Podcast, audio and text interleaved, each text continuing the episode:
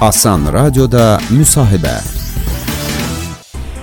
Salam, Asan Radionun studiyasında aparıcı İlkin Kərimovdur. Mənim yanımda hörmətli qonağımız var. Məmnunluqla onu təqdim edirəm.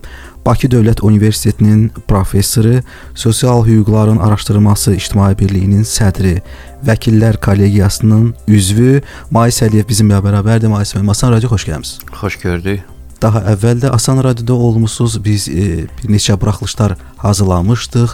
Faydalı oldu düşünürəm. Bu dəfəki söhbətimiz də əminəm ki, məcburi köçkünlərimiz üçün e, çox maraqlı olacaq. Çünki bu gün bir neçə mövzuya toxunacağıq. Daha doğrusu iki proqramımız nəzərdə tutulub. İlk buraxılışda biz məcburi köçkünlərin məşğulluğu və əmək hüquqları problemindən danışacağıq. Mən e, məlumat üçün deyim ki, bu buraxılışların e, bəzi video hissələri Asan Radionun rəsmi Facebook səhifəsində də yayımlanacaq. Ola bilər ki, biz e, bu buraxılışda hansısa məsələlərə, nüanslara toxunmadıq. Xahiş edəcəyik ki, suallarınız olarsa, həmin görüntülərin şərh bölməsinə yazın. Mütləq mütəxəssislər cavablandıracaqlar. Əlavə olaraq e, məlumat verim ki, Mais Əliyev məcburi köçkünlərə hüquqi yardım layihəsinin koordinatorudur. Elə e, Mais müəllim layihədən başlayaq. Mahiyyəti nədən ibarətdir? Buyurun. Hı -hı, təşəkkür edirəm. Dinləyiciləri salamlayıram. Uğurlu gün arzulayıram hər birinə və layihə barəsində ilkin olaraq məlumat vermək istəyirəm ki, bu BMT-nin Qaçqınlar üzrə Ali Komissarlığının maliyyə dəstəyi ilə həyata keçirilən bir layihədir və bu məcburi köçkünlərə və müharibədən zərər çəkmiş şəxslərə ödənişsiz hüquqi yardım və məsləhət layihəsidir. Artıq bu layihə 3 ildir Azərbaycanda həyata keçirilir, lakin biz son 1 ildə layihəyə təkcə məcburi köçkünlər yox, eyni zamanda müharibədən zərər çəkmiş şəxslər e, kateqoriyasında aid etdik və bu benefisiarlar dairəsini nə də biz hüquqi yardım göstərməyə başlamışıq. E, ilk növbədə qeyd etmək istəyirəm ki, layihə Azərbaycanın Bakı, e, Gəncə və Mingəçevir şəhərlərini Bərdə, Ağdam, Füzuli və Tərtər rayonlarını əhatə edir və hər bir rayonda bizim hüquqşünas və vəkillərimiz fəaliyyət göstərirlər. Məcburi köçkünlər, yəni həmin ərazidə məskunlaşmış məcburi köçkünlər bizim orada fəaliyyət göstərən ofislərimizə müraciət etməklə onlardan ödənişsiz hüquqi yardım layihəsini üzrə hüquqi yardımlar və məsləhətlər ala bilərlər.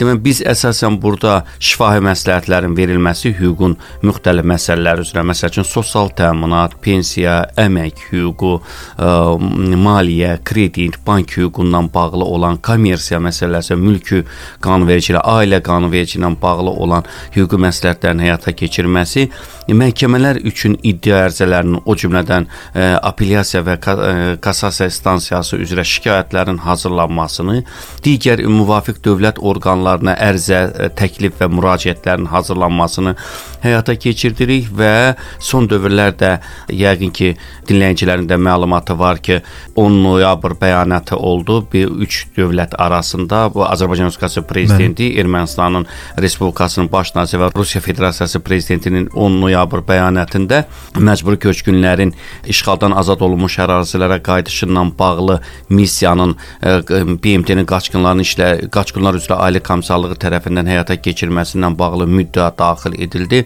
və bu kontekstdə də artıq biz fəaliyyətə başlamışıq. Yəni layihənin bir komponenti də ondan ibarətdir ki, biz o həmin dövrdə işğaldan azad olunmuş ərazilərdə yaşamış məcburi köçkünlərin əmlak, torpaq və mənzil ilə bağlı sənədlərinin hüquqi ekspertizasını həyata keçirdirik. Çünki indi növbəti yəqin ki, biz suallarımızda bu məsələlərə də toxunacağıq. Hansı məsələlər yəni, bu çıxır? çox mühüm məsələlərdən biridir. E, hesab edirik ki, layihə olduqca faydalıdır.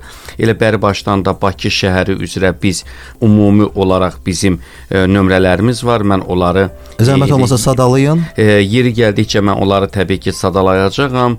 Və qaynar o, xəttiniz də bəli, var. Bəli, hə, o bizim qaynar xəttimiz də var. Onda nömrəsini təbii ki, tamaşaçılara bildirəcəyik və e, mən hesab edirəm ki, mütləq bundan yararlanmaq lazımdır. Hələlik 050 320 81 93 bu bizim mobil telefon nömrəmizdir və digər nömrəni də indi mən elan edəcəyəm təbii ki, e, veriliş boyunca. Hörmətli dinləyicilər, bizi izləyənlər, məcburi köçkünlərin məşğulluğu və əmək hüquqları probleminə toxunuruq. E, Mais mənim əvvəlcə e, soruşmaq istəyərdim ki, hazırda qanunvericilikimizdə bu məsələ ilə bağlı vəziyyət necədir?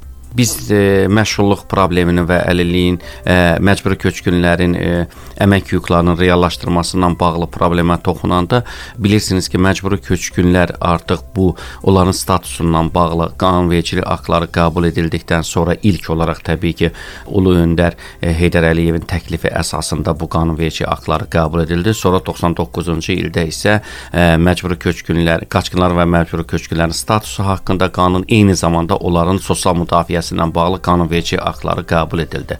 Və bundan sonra biz təbii ki, iki əsasən hüquqi sənədə istinad eləyəcəyik. Bir məşğulluq haqqında qanun, bir də Azərbaycan Respublikasının əmək məcəlləsi, çünki bunların hər birində məcburi köçkünlərin məşğulluğundan bağlı ə, müəyyən müddəalar öz əksini tapıb və e, ilk dövrlərdə təbii ki, Azərbaycan dövləti məşğulluq siyasətini həyata keçirməklə bağlı qəbul etdiyi məşğulluqla dair dövlət proqramlarında məhz məcburi köçkünlərin e, sıx məskunlaşdığı yerlərdə onların məşğulluğunun təmin edilməsi üçün e, xüsusi bir tədbirlərin həyata keçirilməsini təsbit etmişdi.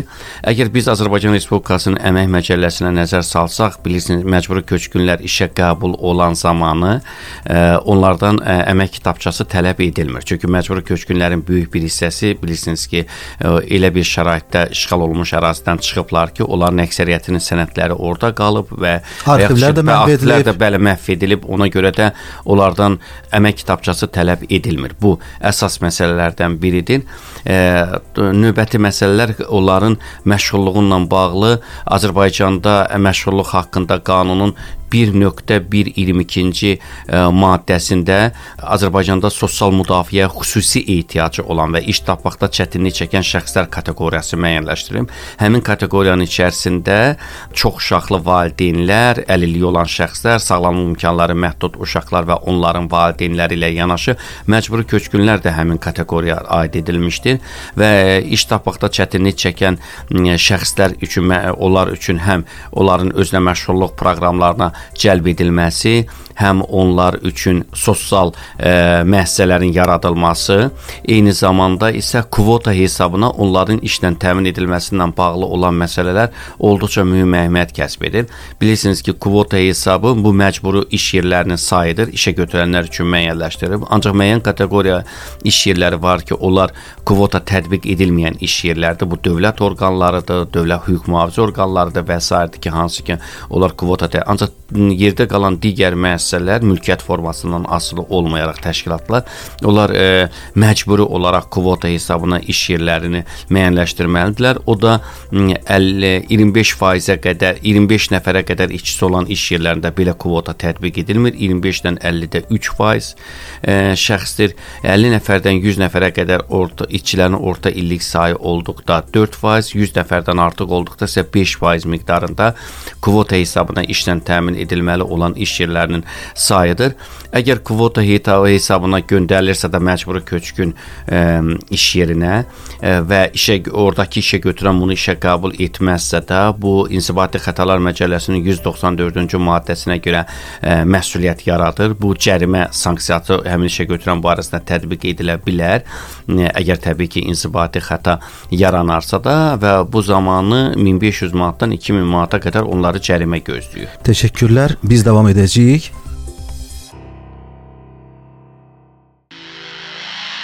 Asan Radioda müsahibə. Biz davam edirik. Mais Əliyevlə danışırıq. Bakı Dövlət Universitetinin professoru, Vəkillər Kollegiyasının üzvü, sosial hüquqların araşdırılması ictimai birliyin sədri ilə.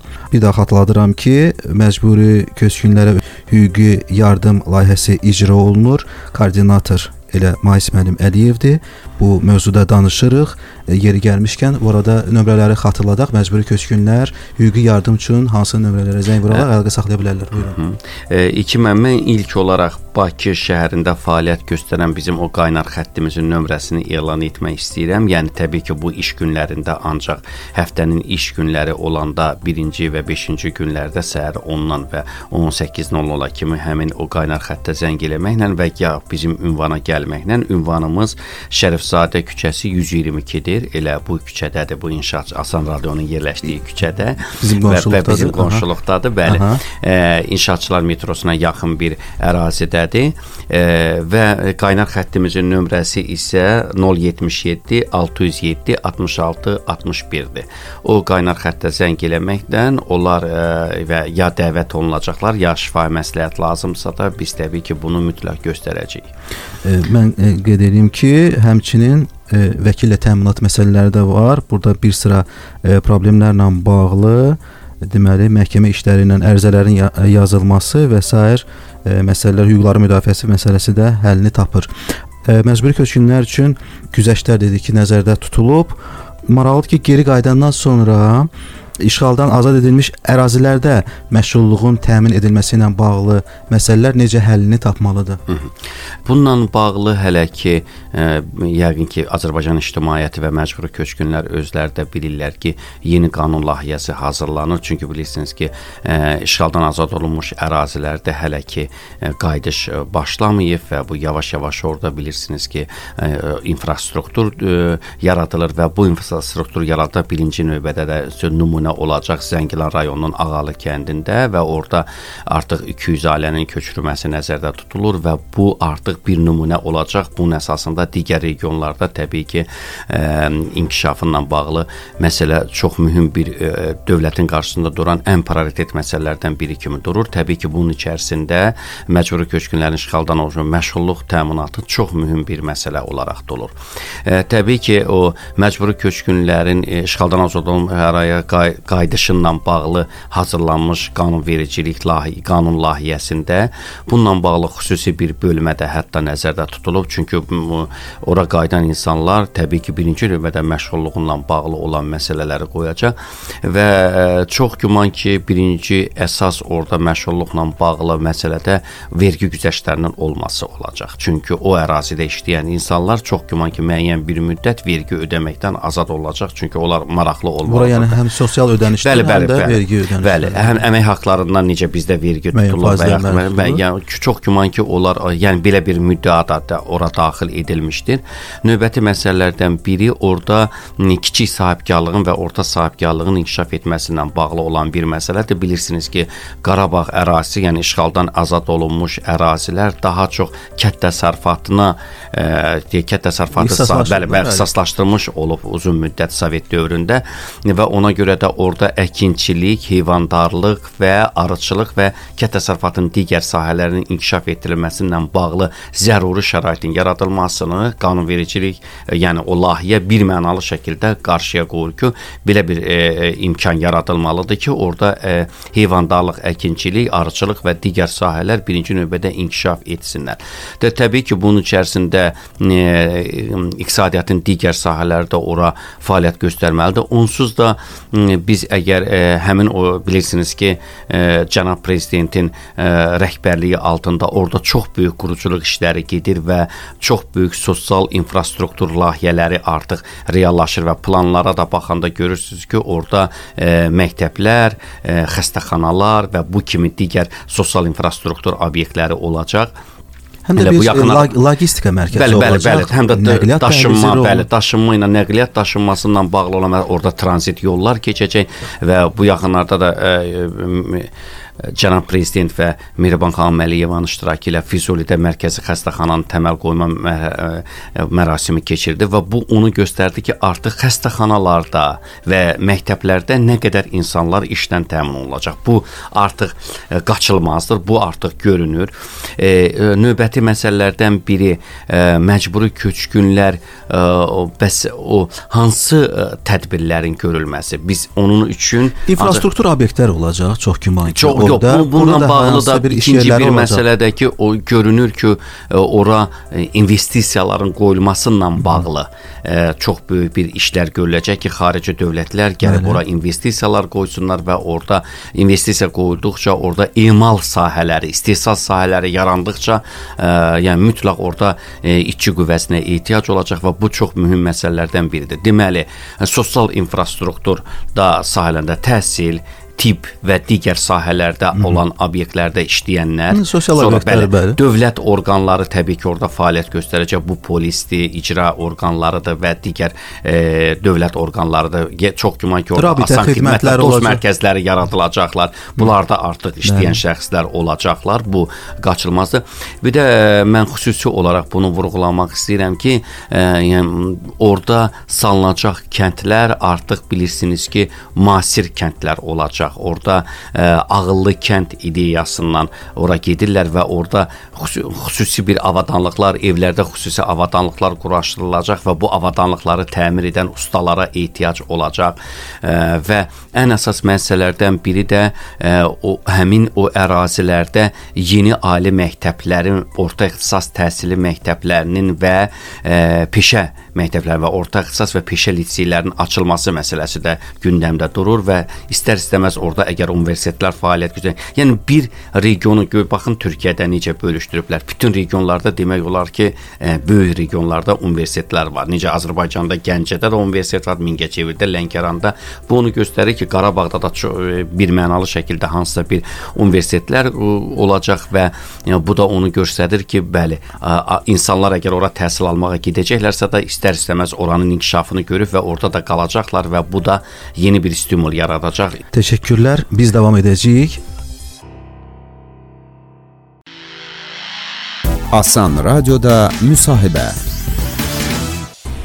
Biz davam edirik. Mays Əliyevlə danışırıq. Bakı Dövlət Universitetinin professoru, vəkillər kollegiyasının üzvü. Məcburi köçkünlərin təlim kurslarına cəlb olunması, ixtisas artırması məsələsi bu ə, e, problemlər nə yerdədir? Birinci növbədə onu ə, e, demək istəyirəm ki, yəni məcbur, yəni əgər məşğulluqdan biz danışırıqsa da tamamilə doğru, doğru vurğuladınız. Mütləq biz onun təhsili məsələsinə toxunmalıyıq. Çünki insan ixtisas olmalıdır, peşə olmalıdır ki, Mütləq, siz əmək bəli, əmək bazarında, bəli, əmək bazarında özünü yerinə tutur və ə, ə, yəni həmin o qanunverici layihəsində də məhz əmək bazarının bugünkü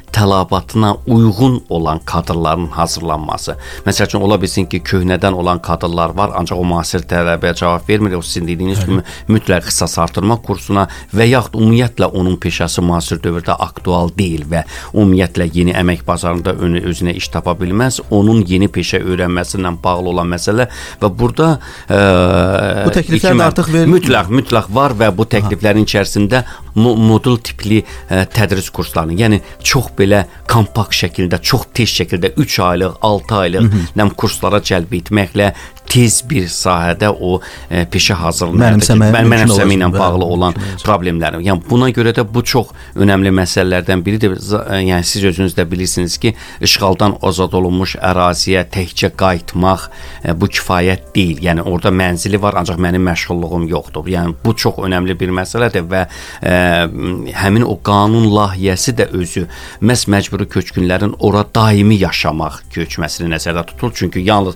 daimi yaşamaq üçün köçən insanlara bu nəzərdə tutulur. Deməli iş yerlərdə daimi olmalıdır. Bəli, mütləq daimi iş yerlərinin açılması ən azı heç olmazsa iş yerlərinin 70%-i mütləq daimi olmalıdır ki, insanlar orada məskunlaşa bilsinlər və Eyni zamanda tikinti işləri də davam edəcək. Yol çəkilişi, infrastruktur və layihələr bu bəli, ki, təbii ki, yeni bəli, bəli. əmək bazarında yeni bəli, yerlər bəli, yaradacaq.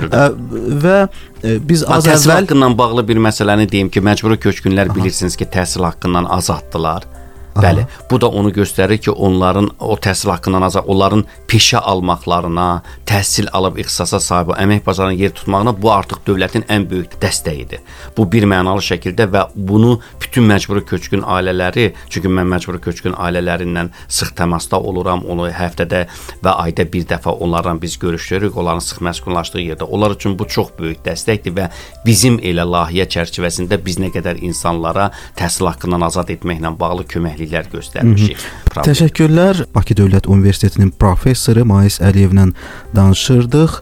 Çox Son olaraq istəyirəm ki, layihəyə müraciət üçün nömrələri bir daha xatırladaq. Mən hesab edirəm ki, bu çox belə faydalı bir layihədir və e, mən məcburi köçkünləri və müharibədən zərər çəkmiş şəxsləri bir daha dəvət edirəm ki, bu layihədən faydalansınlar. Layihəmiz Bakı, Gəncə və Mingəçevir şəhərlərini, e, Bərdə, Ağdam, Füzuli və Tərtər rayonlarını əhatə edir. Həmin ərazilərdə və ona yaxın olan ərazilərdə yaşayan məcburi köçkünlər orada Bakıda və digər regionlarda olan e, vəkillərimizə və hüquqşünaslarımıza müraciət ə, etməklə keyfiyyətli və ixtisaslaşdırılmış hüquqi yardım ala bilərlər və bu hüquqi yardım ə, yəni müxtəlif məsələləri özündə əhatə edir. Həm şifahi, həm də ə, iddia ərizələrinin məhkəməyə hazırlanması, apellyasiya və kassasiya şikayətlərinin hazırlanması, sənədlərin hüquqi ekspertizasının həyata keçirilməsini və sairəni özündə əhatə edir.